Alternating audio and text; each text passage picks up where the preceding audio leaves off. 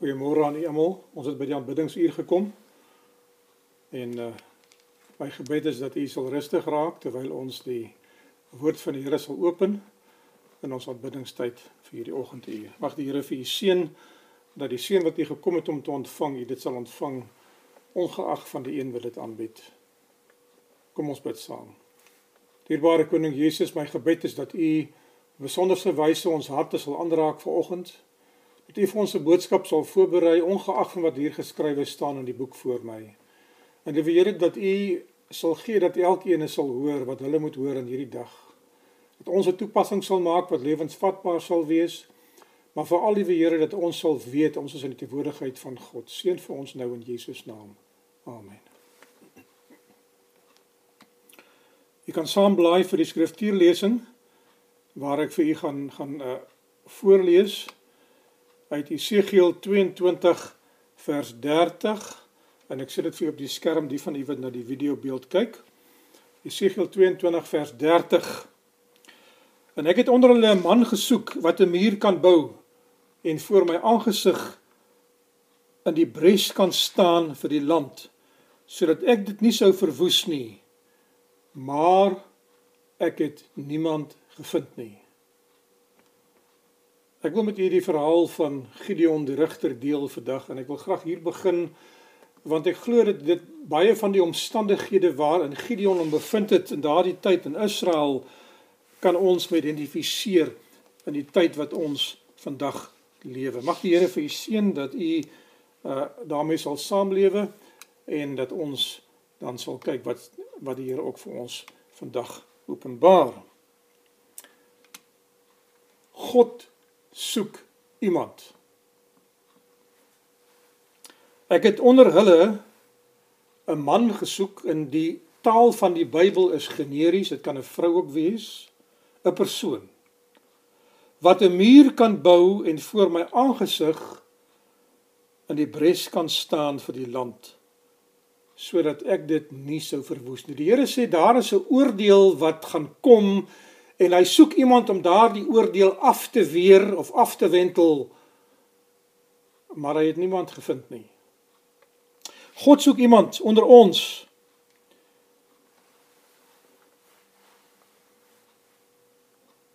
Nie 'n Jood nie nie 'n slaaf nie nie 'n vryman nie. Iemand wat voorberei is om 'n werk vir God te doen. 'n Geesgevulde persoon vir 'n taak. Wat is die taak? Die taak is om 'n muur te bou. Wat is 'n muur?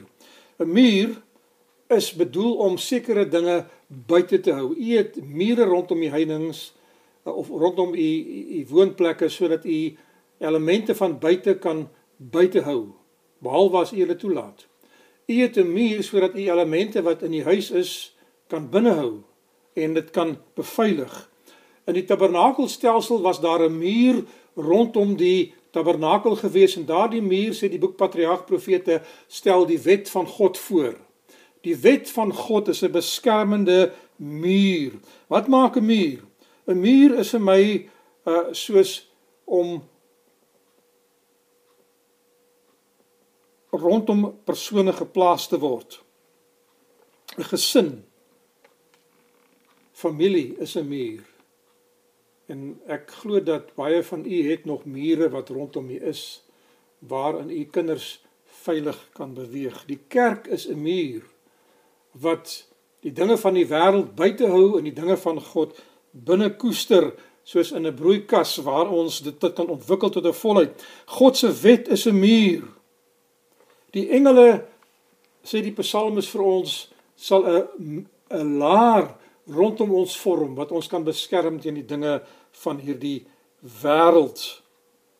Huisgodsdiens kan 'n muur vir u wees in hierdie verskriklike tyd. Gebed in Bybelstudie kan vir u 'n muur wees wat in hierdie tyd vir u kan beskerm teen die dinge van die wêreld en teen u self. Kom ons gee terug tree terug. God sê hy het 'n taak vir iemand ongespesifiseer, 'n persoon wat geesgevul is 'n persoon wat sekere dinge kan doen, soos 'n regter, soos 'n leier. Iemand wat as hoof van sy huis kan optree, iemand wat as leier van die kerk kan optree, iemand wat as beskermer van 'n gemeenskap kan optree, iemand wat kan voorsien wanneer daar behoefte is om voorsien te word, iemand wat dissipline kan toepas, wat kan teregwys, wat kan onderwysing gee. Is daar in u gedagtes vandag 'n behoefte dat u ook soek na iemand wat 'n sekere funksie in die samelewing in die kerk in die gemeenskap kan vervul in die huis of in die lewe. Iemand agter wie u kan stap. Ek het al baie vir myself gesê ek is eintlik in die verkeerde beroep. Uh as ek agter agter 'n leier moet stap sal ek 'n getroue onderdaan wees 'n onderleier. Ek hou nie daarvan om voor te gaan nie maar die Here stoot my dikwels vorentoe in sake wat daar is dit sê hierso ek het iemand gesoek wat 'n muur kan bou voor my aangesig. Nou as jy dit voor die aangesig van die Here maak en rig ag in Genesis hoofstuk 6 is daar 'n interessante uh, stelling wat sê dat die mense het was was groot gewees, geweldenaars en sondaars voor die aangesig van die Here. Hulle het dinge in die daglig gedoen. Hulle het as 'n mens kwaad doen, dan doen jy dinge op die agtergrond in die geheim in die nag. Maar as jy dinge voor iemand doen, is jy voorbarig jy dis is half 'n uitdagende houding wat jy aanvaar.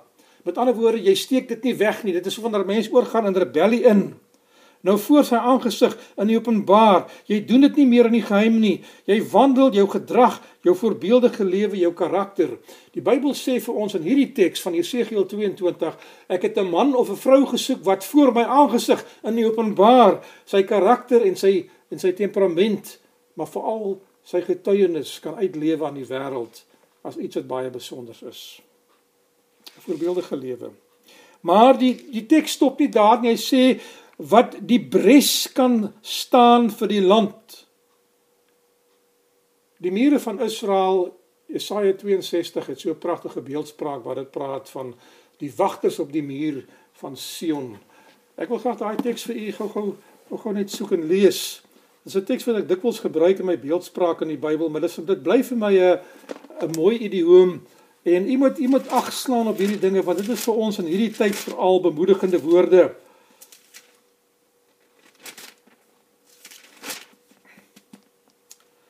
O Jerusalem. Vers 6. Ek het wagte op jou mure uitgesit wat gedurig deur die hele dag en die hele dag nag nie sal swyg nie. Julle wat die Here herinner aan sy beloftes, moenie rus nie. Het u hierdie week die Here herinner aan 'n belofte wat hy gemaak het? Is u angstig dat die Here sal doen wat hy gesê het hy sal doen? Het u 'n gebed wat u voor die Here geplaas het? Is daar 'n gesig wat voor u verskyn van 'n familielid, van 'n vriend, van 'n kerklidmaat wat in nood is, wat siek is, wat in omstandighede is wat u graag sou wil hê die Here moet ingrypend in hulle lewens betrokke raak? Daardie bres is skeur in die muur. As die muur 'n gat het, dan kan die vyand deur daardie muur inkom en hulle wat binne is kan daardeur uitgaan. Die Here sê ek soek iemand om daardie gat toe te maak. Nou die Hebreëse taal is 'n is 'n mooi taal wat baie beeldspraak gebruik. En uh ek wens soms dat ons in Afrikaans die die die die die die, die simboliek daarvan kan uitbeeld. Wat die Here sê is dat dat dat terwyl jy die die muur se gat gaan toemessel deur klippe in te voeg en hom weer reg te maak soos wat Nehemia gedoen het en soos wat Esra gedoen het hulle die mure van Jerusalem opgebou. Maar dat jy terwyl daar nog nood is in daardie gat sal gaan staan met jou swaard en jy sal keer dat niks by daardie gat inkom nie. Is daar 'n gat in u lewe, 'n gat in die kerk, 'n gat in die samelewing waar dinge nou deurkom wat nie moet deurkom nie? Die Here sê ek soek iemand om in daardie plek te gaan staan en dit vol te maak en dit te verdedig teen 'n wêreld. Die pragtige beeldspraak in die Hebreëse teks, Bres. Jesegiel 13 vers 5 sê: "Julle het in die bresse nie opgegaan nie en die muur nie gebou om die huis van Israel om aan die strydpaal te staan in die dag van die Here nie. Met ander woorde, bepaalde tyd die Elia boodskap, 'n boodskap gerig aan 'n tyd en 'n nasie en 'n spesifieke plek, aan 'n spesifieke gehoor. Die Here sê ek soek iemand om in daardie tyd te kan gaan staan in die gat wat ontstaan het in daardie muur van beskerming in my kerk.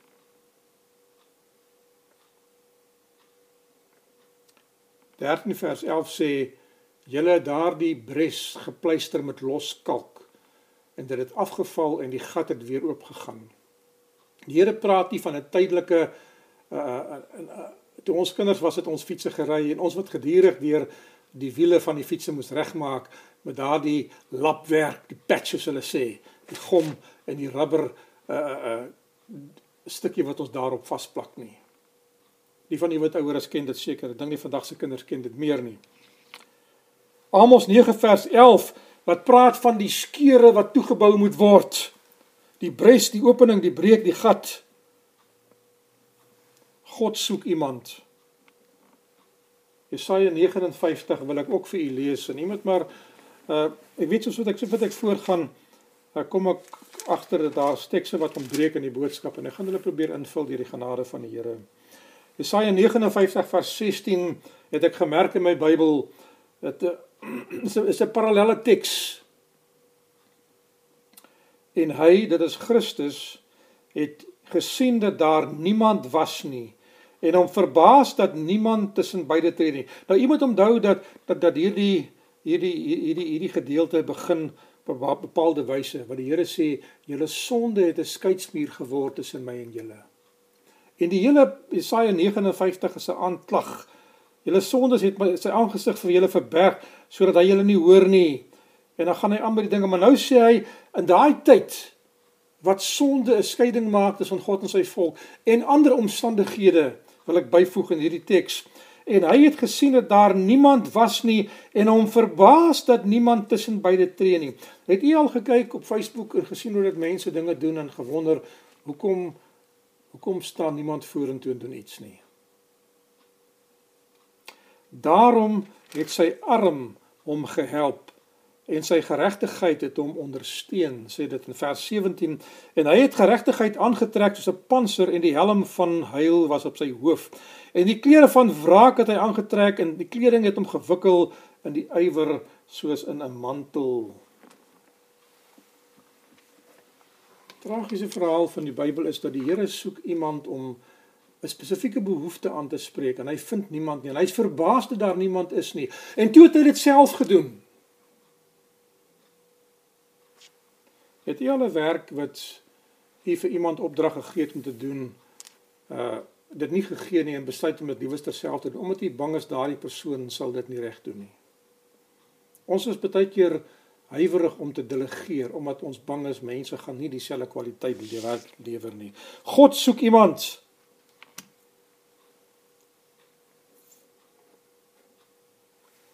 maar hy kry niemand nie. In elke geslag soek God iemand om iets te doen. Die verhale van die Bybel is vol van manne.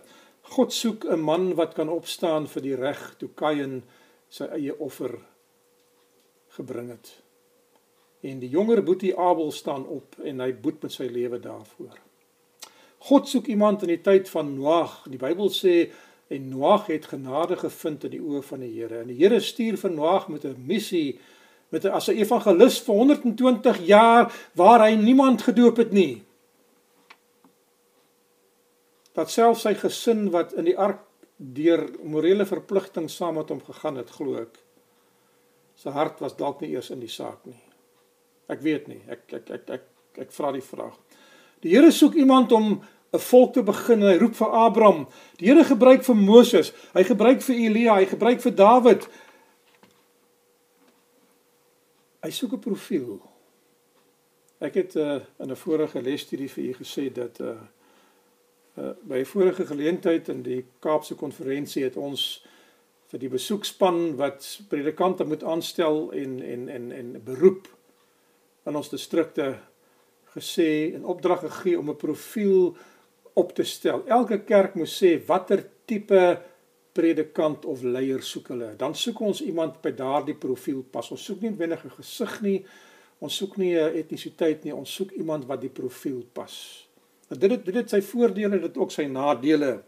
God soek iemand wat 'n spesifieke werk kan doen in die tyd. Rigters 6 vers 1 en u kan gerus nou u Bybels by die boek Rigters oopmaak want hiervandaan ver en tevorentoe gaan ons uit die boek Rigters uit ons verhaal neem die verhaal van Gideon 'n verhaal wat wat u harte met tye al seker baie warm gemaak het met baie boodskappe. Maar kom ons kyk weer na die boek Rigters uit 'n ander perspektief. Vers 1. Maar toe die kinders van Israel gedoen het wat verkeerd was in die oë van die Here, het die Here hulle oorgegee in die hand van die Midianiete vir 7 jaar lank. Geliefdes, as u 'n studie doen van die boek Rigters, soos u behoort te doen, die boek in sy geheel te vat, gaan jy agterkom daar is 49 insidente van spirale. Jy weet wat 'n spiraal is? 'n Spiraal is iets wat wat dikwels groot begin en kleiner word as dit onder toe gaan. Maar dit volg 'n kringloop en dit kan homself herhaal. En in hierdie verhaal wil ek sê daar is spirale wat homself herhaal van die geskiedenis van Israel waar die volk van die Here afvallig word afgoderry begin dien, die hand van die Here los. En dan gee die Here hulle oor aan die nasies wat om hulle is, wat hulle nie verdryf het nie. Dan gaan dit vir 'n tyd lank swaar wat hulle half in ballingskap is. En dan kom hulle tot bekering, dan roep hulle die Here aan en dan stuur die Here vir hulle rigting. Die boek Rigters is 'n boek van spirale van verhale wat in 'n kringloop homself oor en oor herhaal. En ek ek ek kan nie met alle eerlikheid sê dat my lewe nie so is nie. Ek het vandag weer vir die Here gesê dat ek wens ek kan die plek bereik waar my lewe 'n plateau bereik wat geleidelik opgaan na die dinge van God toe waar ek nie gedurig weer vir die Here moet sê Here ek was al by hierdie punt gewees nie en ek het weer geval nie. Here ek het weer geoortree nie. Here ek het weer sonde gedoen in my in my in my menslikheid nie. Jy moet pas op vir hierdie tyd. Hierdie tyd is 'n gevaarlike tyd wat wat emosies en dinge in ons lewens uitkom wat miskien lank rustend was. Die meerigheid en en selfvergenoegdheid en maak nie saak ek kan 'n lys van dinge opnoem. U moet by die Here bly en sorg dat u heiligmakend groei. Dit is nie vandag se boodskap nie. Maar die kinders van Israel het gedoen wat verkeerd was in die oë van die Here, in die oë van die Here soos God sien. Ons les het gepraat van om met die oë van God te sien. As u met God se oë na jouself kan kyk, sal dit iets wees wat God aanvaar of sal hy dalk 'n frons op sy voorkop kry as hy ons lewe aanskou. In die oë van die Here, voor die aangesig van die Here, wat jy afwyk van die normaal en vir 7 jaar het die Here hulle oorgegee. Nou as God ons oorgee, wat beteken dit? God beskerm ons nie meer nie soos hy van tevore gedoen het nie. In die verhaal van Israel in die woestyn sê die Bybel vir ons dat die volk in opstand gekom teen Moses en teen die leiers. Hulle was stewig geweest en het gerebelleer en gemurmureer en hulle het die hand van die Here gelos en die Here het sy beskerming onttrek en die slange wat daar was het van hulle begin pik en baie het dood gegaan. En toe het hy vir Moses gesê sit 'n slang op die paal en rig hom op dat hulle kan kyk na hom. En as hulle na daai slang kyk, sal hulle lewe. En baie het gedink is belaglik. Hoe kan 'n slang deur na hom te kyk lewe? Dit stel verlossing voor, regverdigmaking deur geloof. Jy kan niks doen om jou verlossing te, te te te verdien nie. Jy moet kyk na Jesus in lewe. Ons het baie oor verlossing gepraat. Ons gaan nie vanaand weer daaroor praat nie. God staan terug.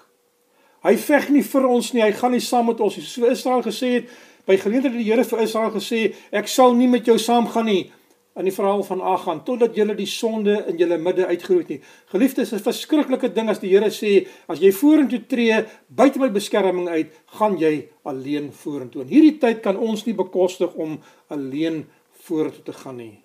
En ek hoop dis die gebed van die hart dat die Here met u sal saamtrek waar u gaan. God laat toe dat ons oorwin word deur die dinge van die lewe rondom ons.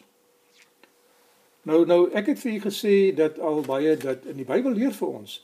Dit is nie God wat ons los nie. Ek sal jou nooit begewe en jou nooit verlaat nie. Dit is ons wat God se hand los en sy beskerming van ons wyk wat maak dat ons in die hand van die vyand val en oorwin word. God gebruik nasies vir sy oordeele en ek het gaan kyk in die boek Rigters die verskillende nasies wat daar genoem word en daar's baie van hulle nogal wat die Here gebruik het oor 'n tydperk heen om Israel te straf. As jy die oorsig van die boek Rigters lees, gaan jy agterkom dat die Here verskeie nasies gebruik het op verskeie tye. Is daar dinge rondom ons wat die Here gebruik om ons te tugtig en terug op die pad te bring as ons dalk 'n verkeerde pad begin gaan? God gebruik nasies, die prosesse. God uh sy besluite is dikwels voorwaardelik. Hy beskud ons. Een van die vorige boodskappe. Ons is in 'n tyd wat ons in God se beskutting moet wees, anders dan gaan dit met ons baie swak gaan. Ons kan nie bekostig om die muur wat om ons moet wees 'n gat in te laat kry nie. Geestelik en andersins nie. God waarsku ons om ons terug te bring God tugtig ons as ons die pad byste raak ook om ons terug te bring. God straf ons as ons nie luister nie en aangaan in rebellie. En dan sal God ons afsny soos hy die Amalekiete afgesny het in die tyd van koning Saul toe hulle die perke van goddelike genade oorskry het. In die boek Patriarg Profete is daar 'n stelling wat sê die reg wag lank terwyl genade met die sondaar pleit. Maar daar is 'n perk in genade wat die mens nie mag oorskry nie. Hierdie is my groot vrees. Dat ek die perke van genade sal oorskry. In die boek Openbaring is daar die wit perd en die rooi perd en die swart perd en die vaal perd. Die wit, die aanvaarding van die boodskap, die rooi, die teenstand teen die boodskap, die swart rebellie en verwerping van die boodskap en die vaal afsnyding van die groep waarin jy behoort. Sensuur het dieselfde stappe wat dit volg in die kerk en ek praat nie vandag oor sensuur nie. Maar die Here sal niemand net laat wegdwaal en afdwaal en afvallig word sonder om stappe in plek te plaas om die mens terug te bring deur genade nie. En soms is daardie stappe drasties as ons as mense nie wil luister nie. Wat Israel doen Hulle het afvallig geword van die aangesig van die Here en afgode uh gaan begin aanbid.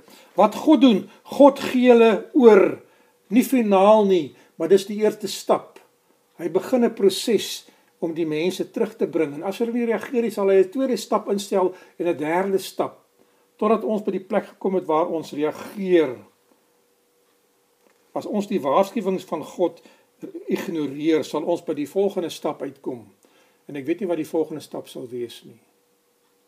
Geliefdes, by watter stap van die lewe is u in die waarskuwings van die Here? As u of ek in 'n proses is waar God ons probeer waarsku of probeer wegdraai of probeer terugbring na 'n situasie toe. Het daar al stappe van oordeel gekom? En niemand nie alles wat met u gebeur in hierdie tyd as God se hand van oordeel sien nie. U moet verstaan dat ons lewe in 'n tyd ongelukkig waar die Satan nou die boottoon vuur en dinge in om ons en in ons lewens onaangenaam maak. U moet die verskil kan ken en ek glo u sal die verskil ken as u met die Here 'n pad saam loop. Dat u sal weet dat dit is nie God nie, maar die Satan wat dinge oor ons bring.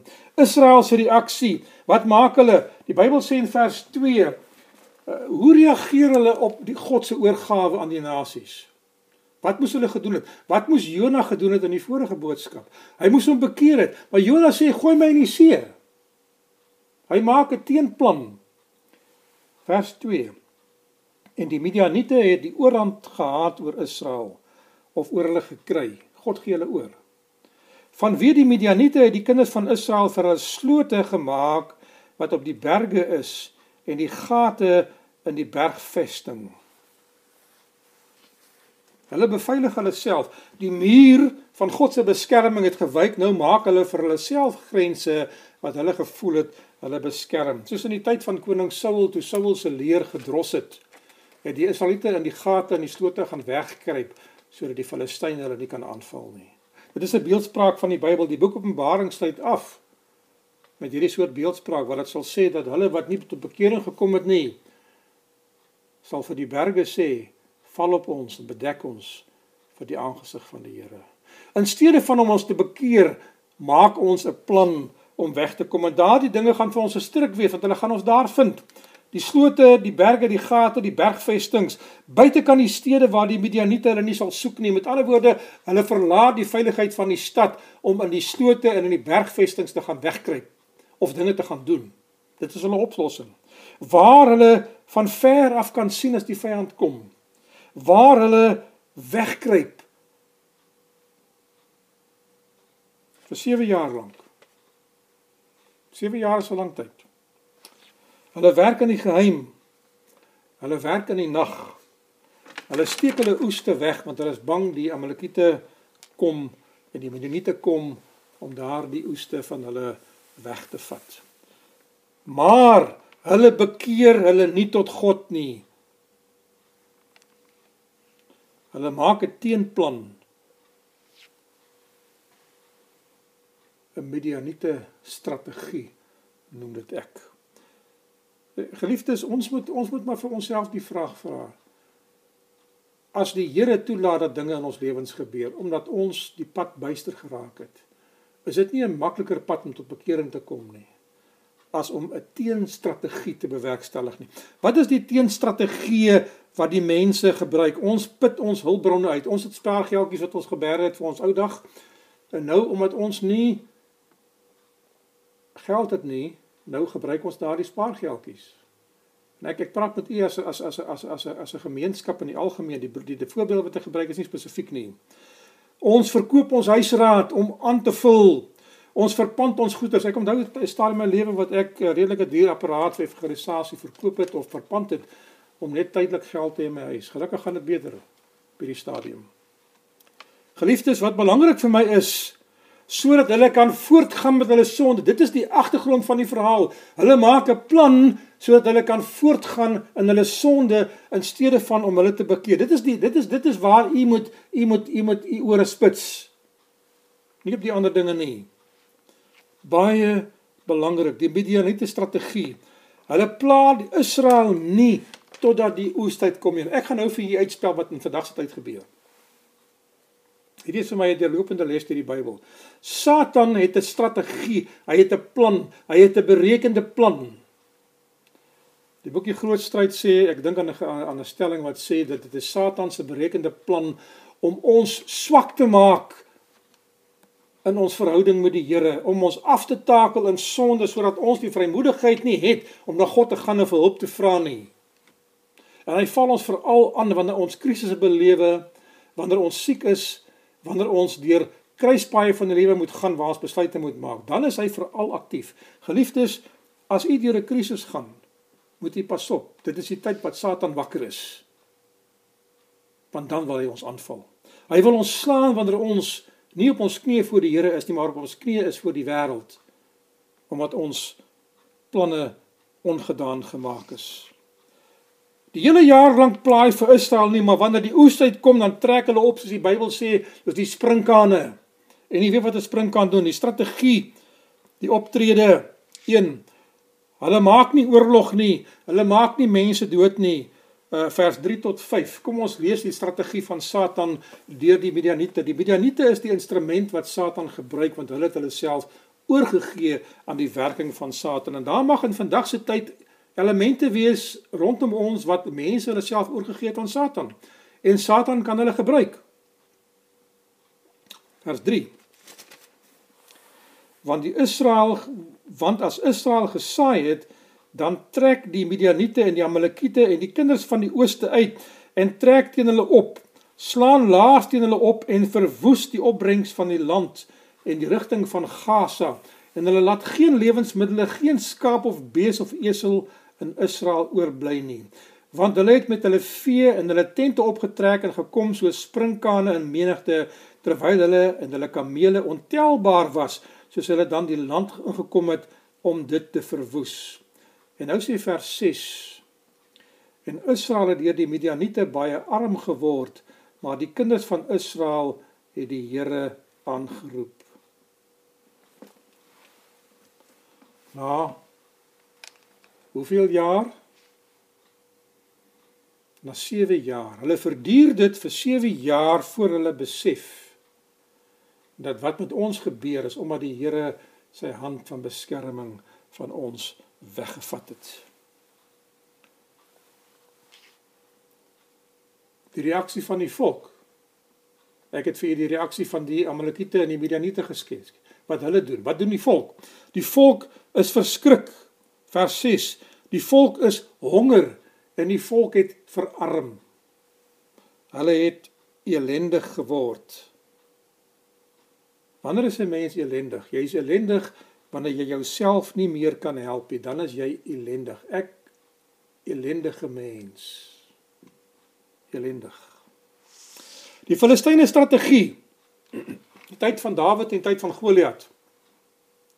Iemand die iemand die parallel sien in die verhaal dat dieselfde wat gebeur in die tyd van die rigters het gebeur met die Filistyne in die tyd van koning Saul.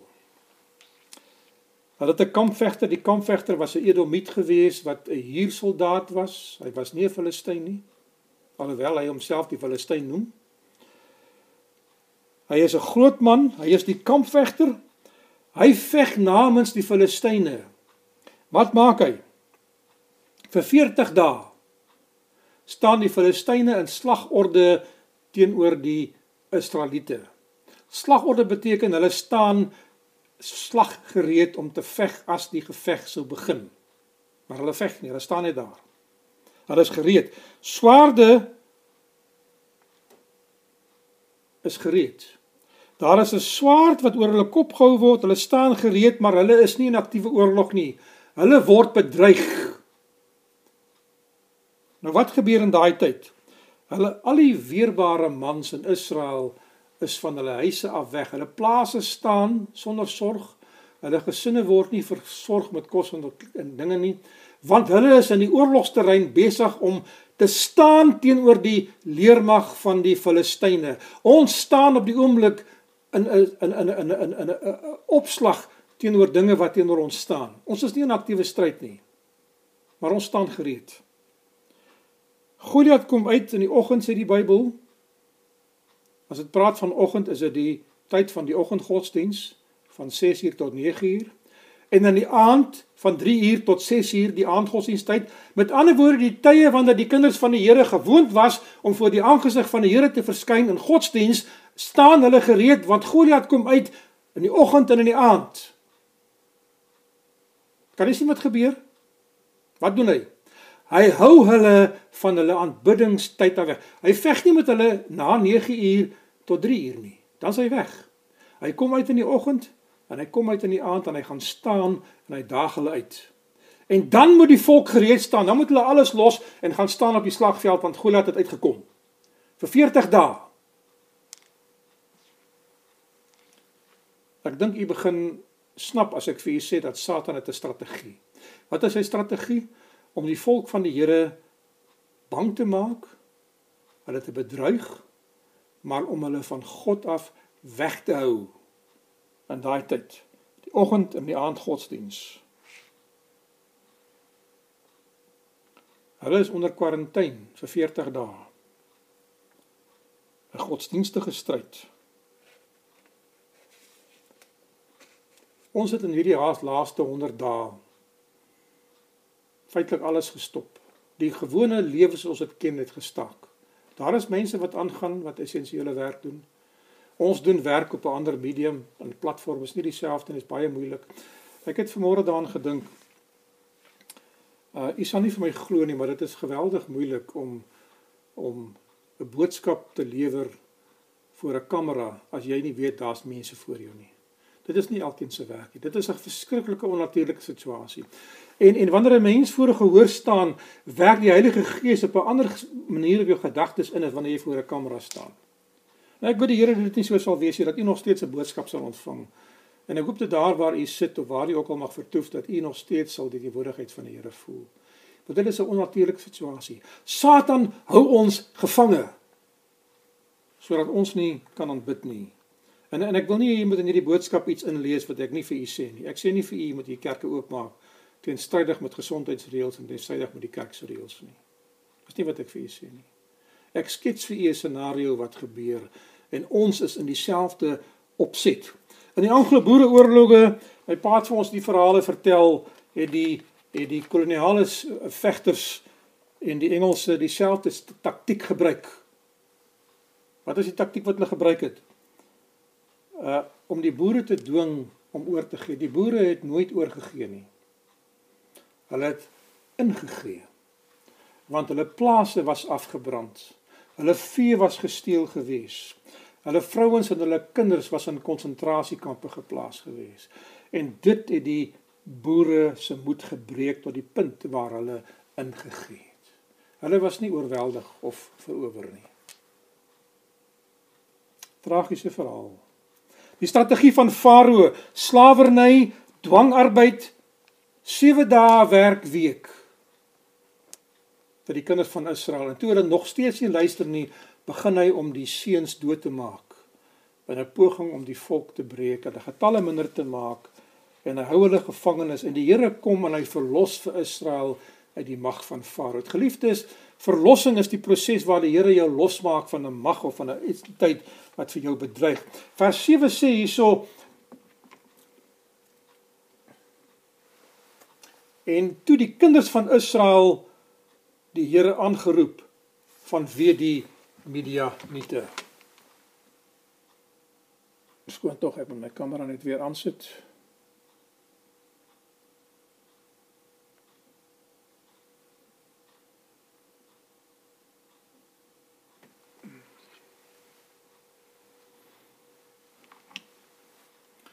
Met baie onderbrekings verskoon. Ons werk met tegnologie waaroor ons nie beheer het nie.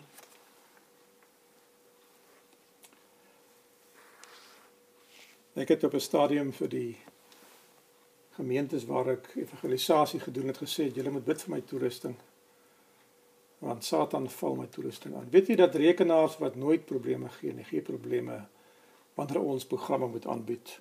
U sal dalk weet waarvan ek praat. Goed, kom ons gaan aan met die boodskap.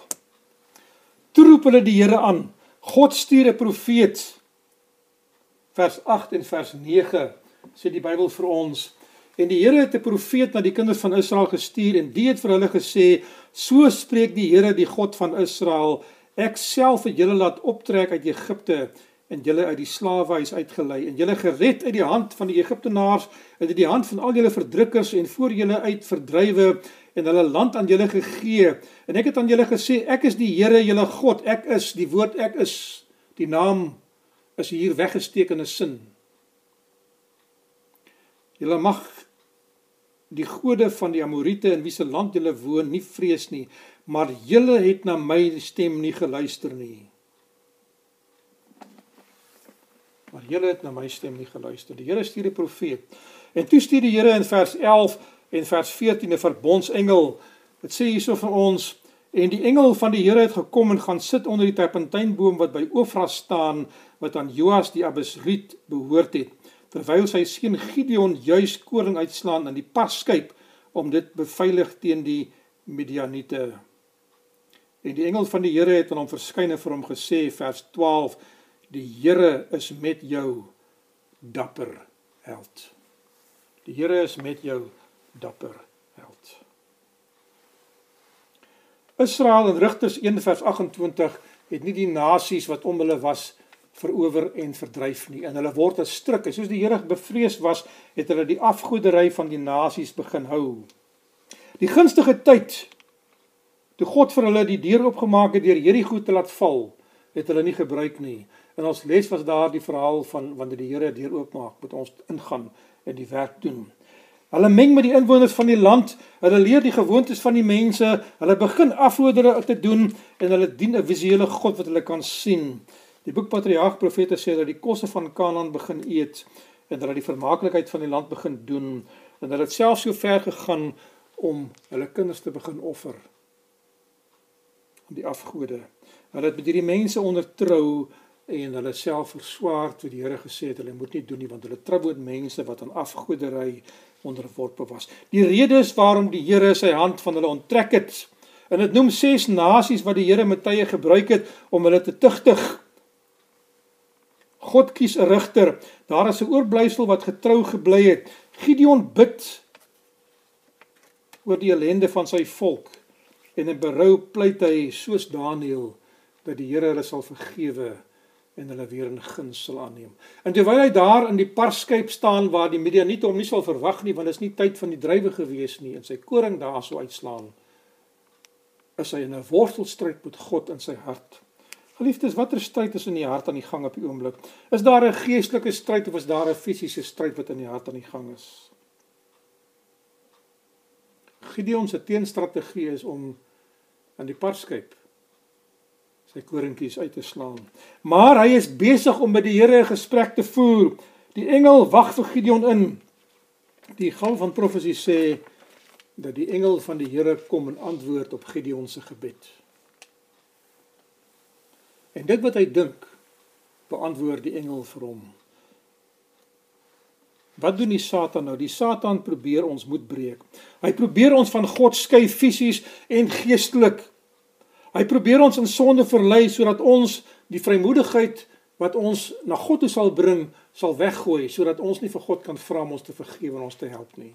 U sal nie kan in die beskutting van die Here ingaan en beskerm word deur God as ons willens en wetens die gebod van die Here oortree nie. Geliefdes, moenie dat Satan in hierdie tyd vir u oorweldig nie gaan op u knieë en bid tot die Here om vir u in genade te aanvaar. Hy ken die geskiedenis van God se volk, Gideon. Hy bely dit aan God. Hy bid vir hulle beskerming. Hy bid vir hulle verlossing en hulle ellende. Die engel sê vir Gideon in vers 12: "Die Here is met jou dapper held."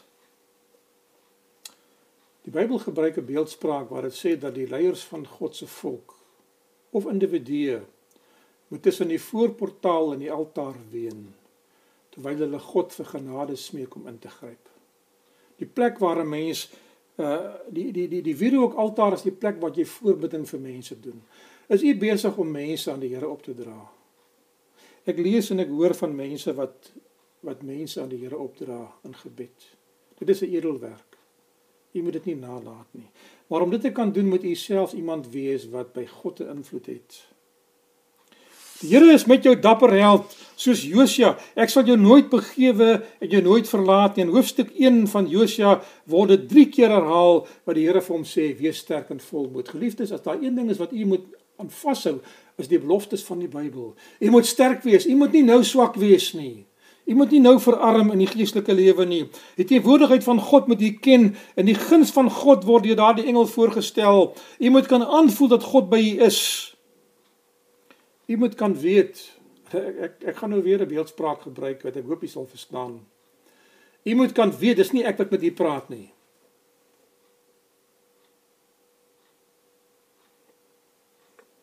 As jy besig om vir my te luister,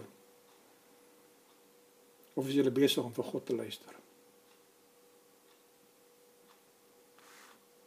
Ek hoop nie julle luister vir my nie. Gideon, 'n man van moed en durf wat in die lewensskool voorberei was. En in vanoggend se les het ek vir u gesê die Here gebruik persoonlikhede en karakters van mense. Hy kies iemand vir die potensiaal wat hy het. Die Here sien ons in 'n plan. Jy gaan in daardie plekkie inpas in my wingerd. Hy het homself bewys voor God. Sy gesindheid. Hy is hy hy, hy voel minderwaardig in homself. Hy sê hy's die kleinste en die swakste sy familie en uit die swakste stam van Israel. Maar die Here sê ek het nie daarna gekyk nie. Ek kyk net wat in jou hart aangaan Gideon. Jy is nederig, jy het jou vrolikmoedig voor my. Jy worstel met my oor hierdie dinge. Ek het in die vorige boodskap vir julle gesê, maar verskoon dat ek so baie terugwys, want hierdie dinge skakel aan mekaar en die Heilige Gees glo ek binne in my gedagtes. Waarom het die Here aan die skaapherders verskyn? Om die blye boodskap deur engele aan hulle te bring dat die kind die Messias gebore is in die stad van Dawid. Hulle was besig om dit te bespreek en te bid vir die koms van die Messias. En terwyl hulle dit doen, toe kom die engele van die Here om vir te sê, daardie gebed is beantwoord. Profetiese tyd het verbygegaan en hy's gebore. En julle kan gaan hom gaan vind in 'n krib en doeke toe gedraai. En hierdie eenvoudige skaapwagter stap na die stad toe. Opwinding wat hulle veroorsaak om te sê engele het aan ons verskyn. Die kerkleiers het dit gehoor. Hulle het seker gewonder, Hoekom het die engele by ons verbygegaan? Is u besig om met die Here te worstel in die tyd van Elia? Elia bly op 'n bly in 'n bergvesting sê die sê die boek by Prophets and Kings. En van sy huis af kyk hy af na die pad wat na Jerusalem toe gaan en na die tempel van die Here toe gaan. En hy sien hoe die mense by die tempel van die Here verbystap na die hoogtes toe van die Baals godsdiens. En hy bid, hy sê vir die Here, "Hoe lank gaan U dit los? Dit is U volk." Hy pleit vir die volk. En die Here sê vir hom, "Elia, gaan jy? Gaan jy?" Hy gaan sê vir hulle, "Dit sal nie reën nie." Sal u miskien u roeping vind omdat u in 'n wortelstryd is met dinge wat nie gebeur nie.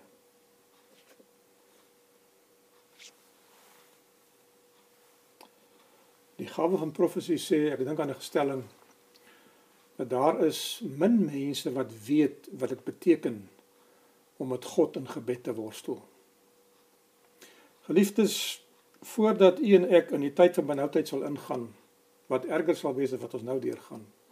Gaan ons by die plek kom waar ons met God in ons binnekamer sal moet worstel.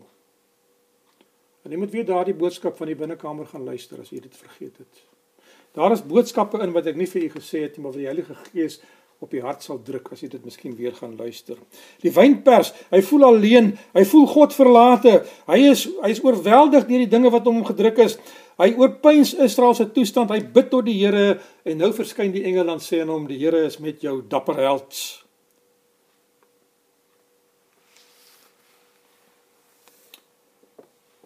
Antwoord op sy gebed. As ons vol is van onsself, sal ons dalk leeg wees om die dinge van die Here te sien. Gideon voel onbevoeg in sy eie krag. En dit is die beste manier om te voel. Ons moet nie voel ons is bevoeg nie, sodat die Here ons kan volmaak met sy krag. Vers 14 sê vir ons hierson hoofstuk 6.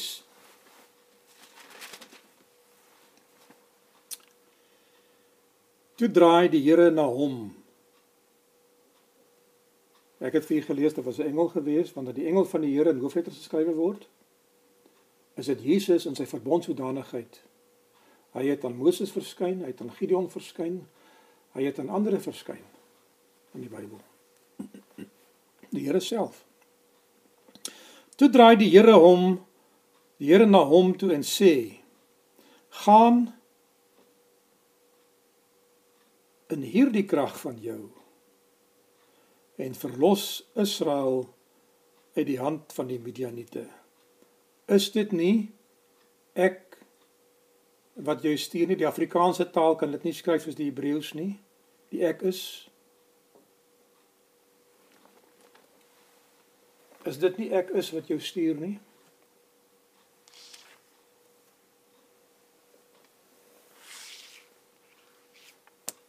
Watter krag van hom? Het hy krag aan homself gehad? Hy het hy het bely dat hy nie krag het nie die Here sê ek gee vir jou krag en nou moet jy gaan. Het die Here vir u krag gegee wat u gebruik in 'n ander beroep?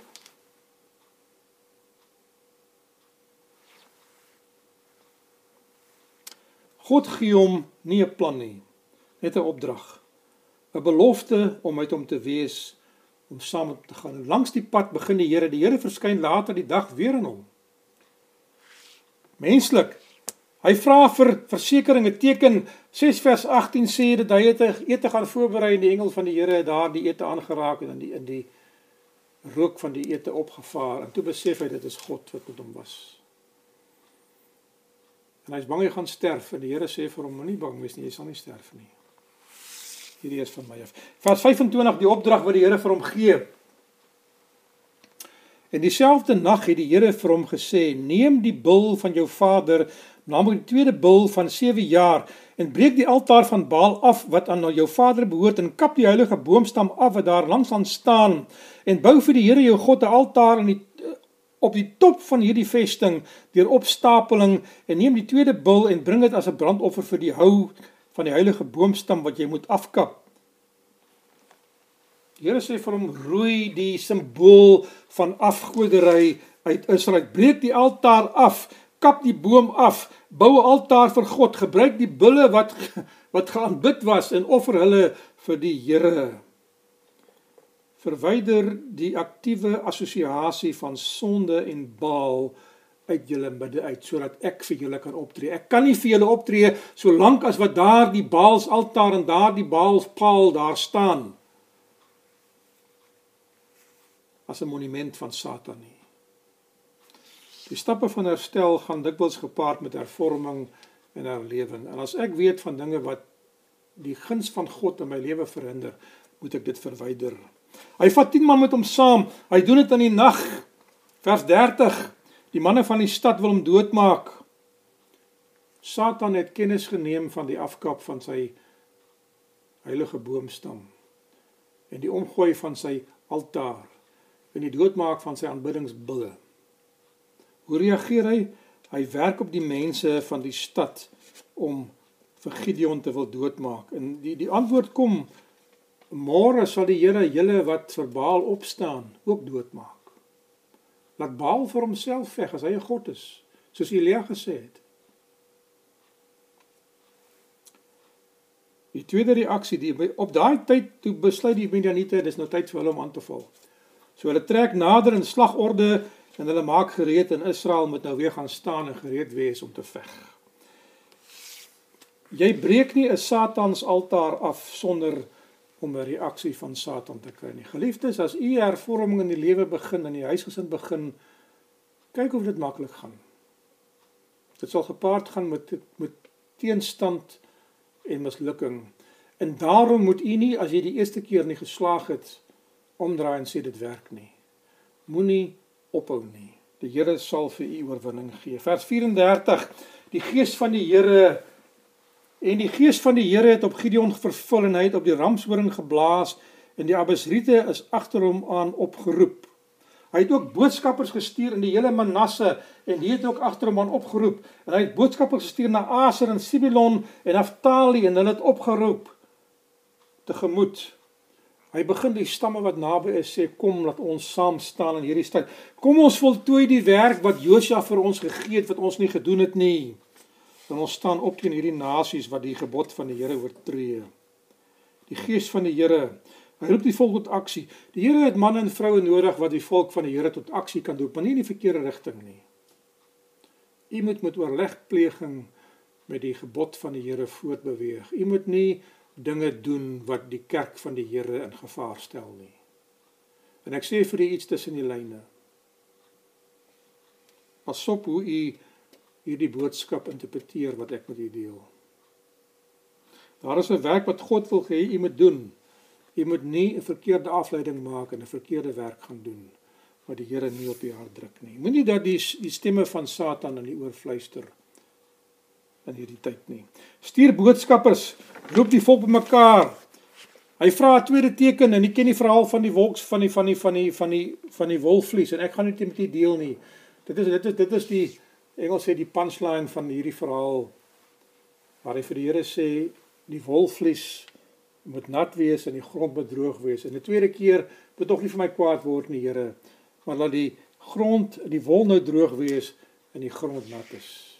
Net om seker te maak hier's nie 'n wetenskaplike proses wat die wat die hele teken geliefdes, u moet nie vir tekens en wonders vra nie. Die Here sal vir u wys wanneer u gereed is.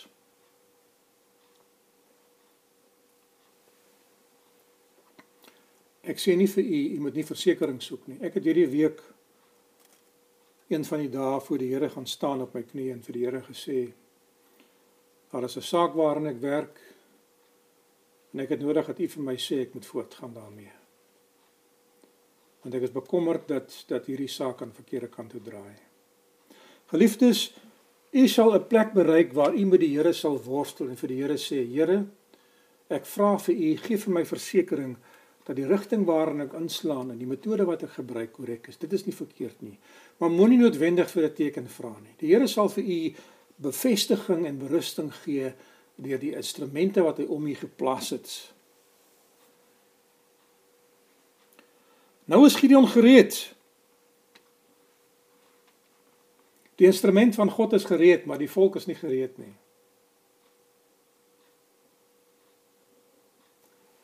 In die preekopleiding het ek vir u gesê baie jare terug. Die Here moet die boodskapper voorberei. Die Here moet 'n boodskap verskaf. Die Here moet die mense wat die boodskap moet hoor voorberei. As enige van daardie verkeerd is, dan gaan daar nie 'n boodskap plaasvind nie wat wat die harte van mense raak nie. So as ek as instrument val, gaan die boodskap van die Here nie by jou uitkom nie. As ek 'n verkeerde boodskap voorberei omdat ek nie luister nie, gaan dit ook nie by uitkom nie. As u harte nie voorberei is om die boodskap te ontvang nie, gaan die boodskap nie by uitkom nie. Die Here moes Israel ook voorberei. Die weermag was nie gereed nie. 7 vers 2, die volgende hoofstuk gebeur 'n interessante verhaal wat jy seker al by baie preke gehoor het. Toe sê die Here vir Gideon: "Die manskappe by jou is te veel vir my."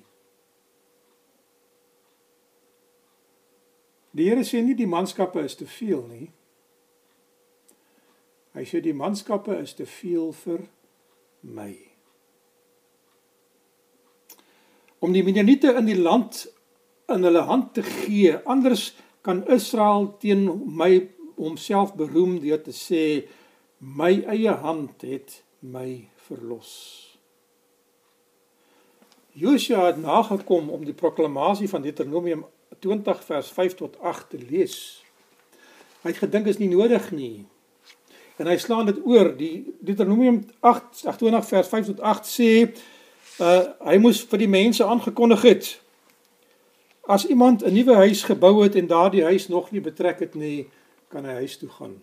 Hy hoef nie oorlog toe te gaan. Dat 'n ander man kom en in sy huis gaan bly nie. As iemand 'n wingerd geplant het en nog nie die vrug van daardie wingerd geëet het nie, kan hy huis toe gaan. Hy moenie oorlog toe gaan en hy hy sterf in die oorlog en 'n ander man kom pluk sy vrugte of sy eerste oes nie.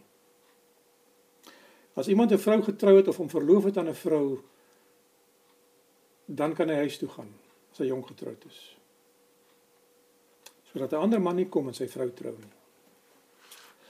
En dan voeg hy by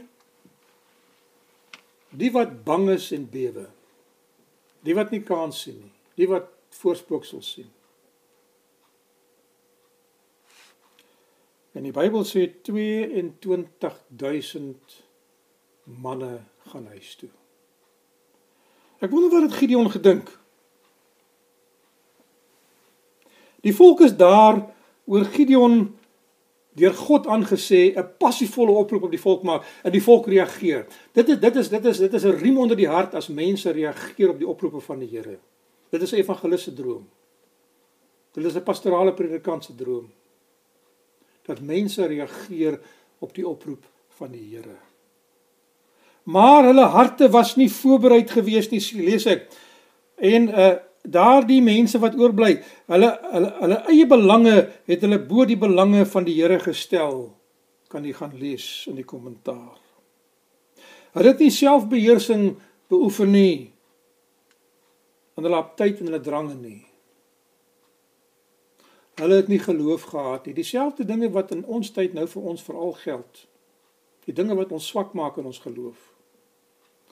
Hulle was betrokke by die volle of gedeeltelike aanbidding van afgode.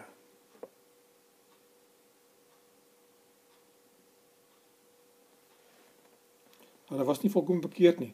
Vers 7 hoofstuk 7 vers 4 praat die Here met Gideon. Daarop sê die Here vir Gideon: Die manskappe is nog te veel.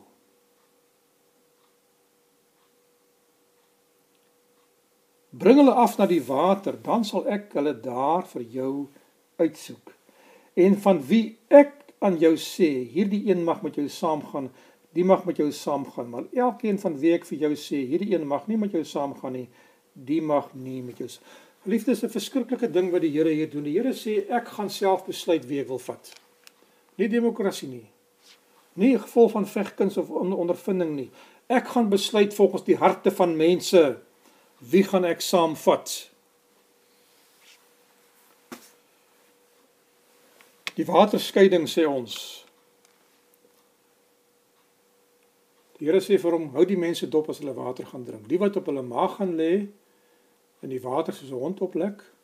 Met ander woorde wat gemaklik is, wat hulle tyd vat, wat onbetrokke is. Sit hulle een kant. En diegene wat in die water instap en dit in staan en buk in die water opskep soos een wat haastig is, wat tydelik daar verbygaan, sit hulle een kant en die wat die water geskep het met die hand is 300 man. En die Here sê vir Gideon, daardie 9700 man wat gelê het en die water opgedrink het, stuur hulle huis toe. Ek wonder of hulle bly was om huis toe te gaan. Hulle het na hierdie oormag gekyk en gedink dat as 22000 man huis toe gegaan het in die eerste geval, ons het nie 'n katse kans nie. Hulle was seker bly geweest om gesê te word, julle kan huis toe gaan. Die boek Patriarge en Profete sê dat die 300 man was manne gewees wat God kon beheer. Hulle was manne gewees wat nie op hulle eie krag gesteun het nie, maar op die krag van God gesteun het. Hulle was manne gewees wat nie die eer vir hulle self sou geneem het nie, maar die eer aan God sou gegee het. En God gee vir hom 'n plan in 7 vers 9 wat die Here sê vat jou wapendraer of vat gaan self gaan af na die laar van die Filistyne en gaan daar en gaan luister. Ek gaan vir jou bykomende bevestiging gee. Ek wil vir u sê as die Here dink dit is nodig om u te, te gemoed in te praat, sal die Here dit doen. As die Here nie vir u moet in praat nie, beteken dit u het genoeg om aan te gaan. U het 'n oop deur. Die Here sê vir Gideon gaan af en gaan luister. Hy vat sy wapendraer in vers 13 vertel daar 'n man verhaal. Hy het 'n garsbroodjie gesien, die eenvoudige kos van verarmde Israeliet wat van die berg losgeraak het en afgerol het in die berghelling en die tente van die Midianiete omgerol het. En die manne binne die tent wat die verhaal, die droom vertel vir sy vriende, die kommentaar wat hulle sê is dit is die hand van Gideon. Want die Here het hulle oorgegee aan my hand. Koring. Dis nie koringbrood nie, dis 'n gasbroodjie. 'n Arm kos van 'n onderdrukte Israeliet. Vers 16 sê hy verdeel die laar in 3. Hy gee vir hulle 'n fakkel wat sigbaar is. Hulle sit aan binnekant 'n erdekruik en 'n ramshoring wat baie luid is soos die wederkoms. As die Here kom, gaan hy sigbaar wees en hy gaan luid wees. Want die Here is aan die aan die hoof van daardie leer. En hy sê vir hulle in vers 18 en wanneer moet julle skreeu vir die Here en vir Gideon. Liefdes, ek sluit af. Ek weet nie wat jy hoor nie. Die spiraal van sonde in die boek Rigters waar hulle afvallig word, afgode dien, wat die Here hulle oorgee tot wat tot bekering kom en die Here hulle dan rigter stuur en dan word hulle vir 'n tyd lank genees en hulle lewe vrede totdat die proses weer van voor af begin. Is daar 'n spiraal in u lewe wat u wil beëindig? Gebruik hierdie tyd om dit te beëindig. Dat ons voorwaarts gaan in een rigting en volkome die Here dien. Bekering berou maak die deur van hoop oop in die vorige boodskap. U sal nie die guns van die Here kan geniet nie. Die Here sal u ook oorgee aan ons eie genade. Dit is my grootste vrees in die lewe dat die Here my aan myself sal oorgee. Dat hom wat vuil is nog vuiler word, dat hom wat skoon is skoner word. God het 'n plan en hy het mense in gedagte. Hy soek manne en vroue wat hy kan stuur om die bres in die muur te kan toemaak. Die Here soek mense. Hy hy het poste wat gevul moet word in sy kerk. En hy soek manne en vroue wat se karakters, wat se profiel pas by daardie pos, wat se temperament en se persoonlikheid geskik is, wat se opleiding gedoen is. Manne en vroue wat deur die gees van die Here be, beheer kan word, wat nie die eer vir hulself sal neem nie, wat sal kan staan al val die wêreld rondom hulle, al staan hulle alleen. God het leiers ingetrek en hy het hulle voorberei en hy het hulle bemoedig. Die Here sal vir u bemoedig langs die pad. As dit nodig is, sal hy vir jou teken gee, as dit moet wees.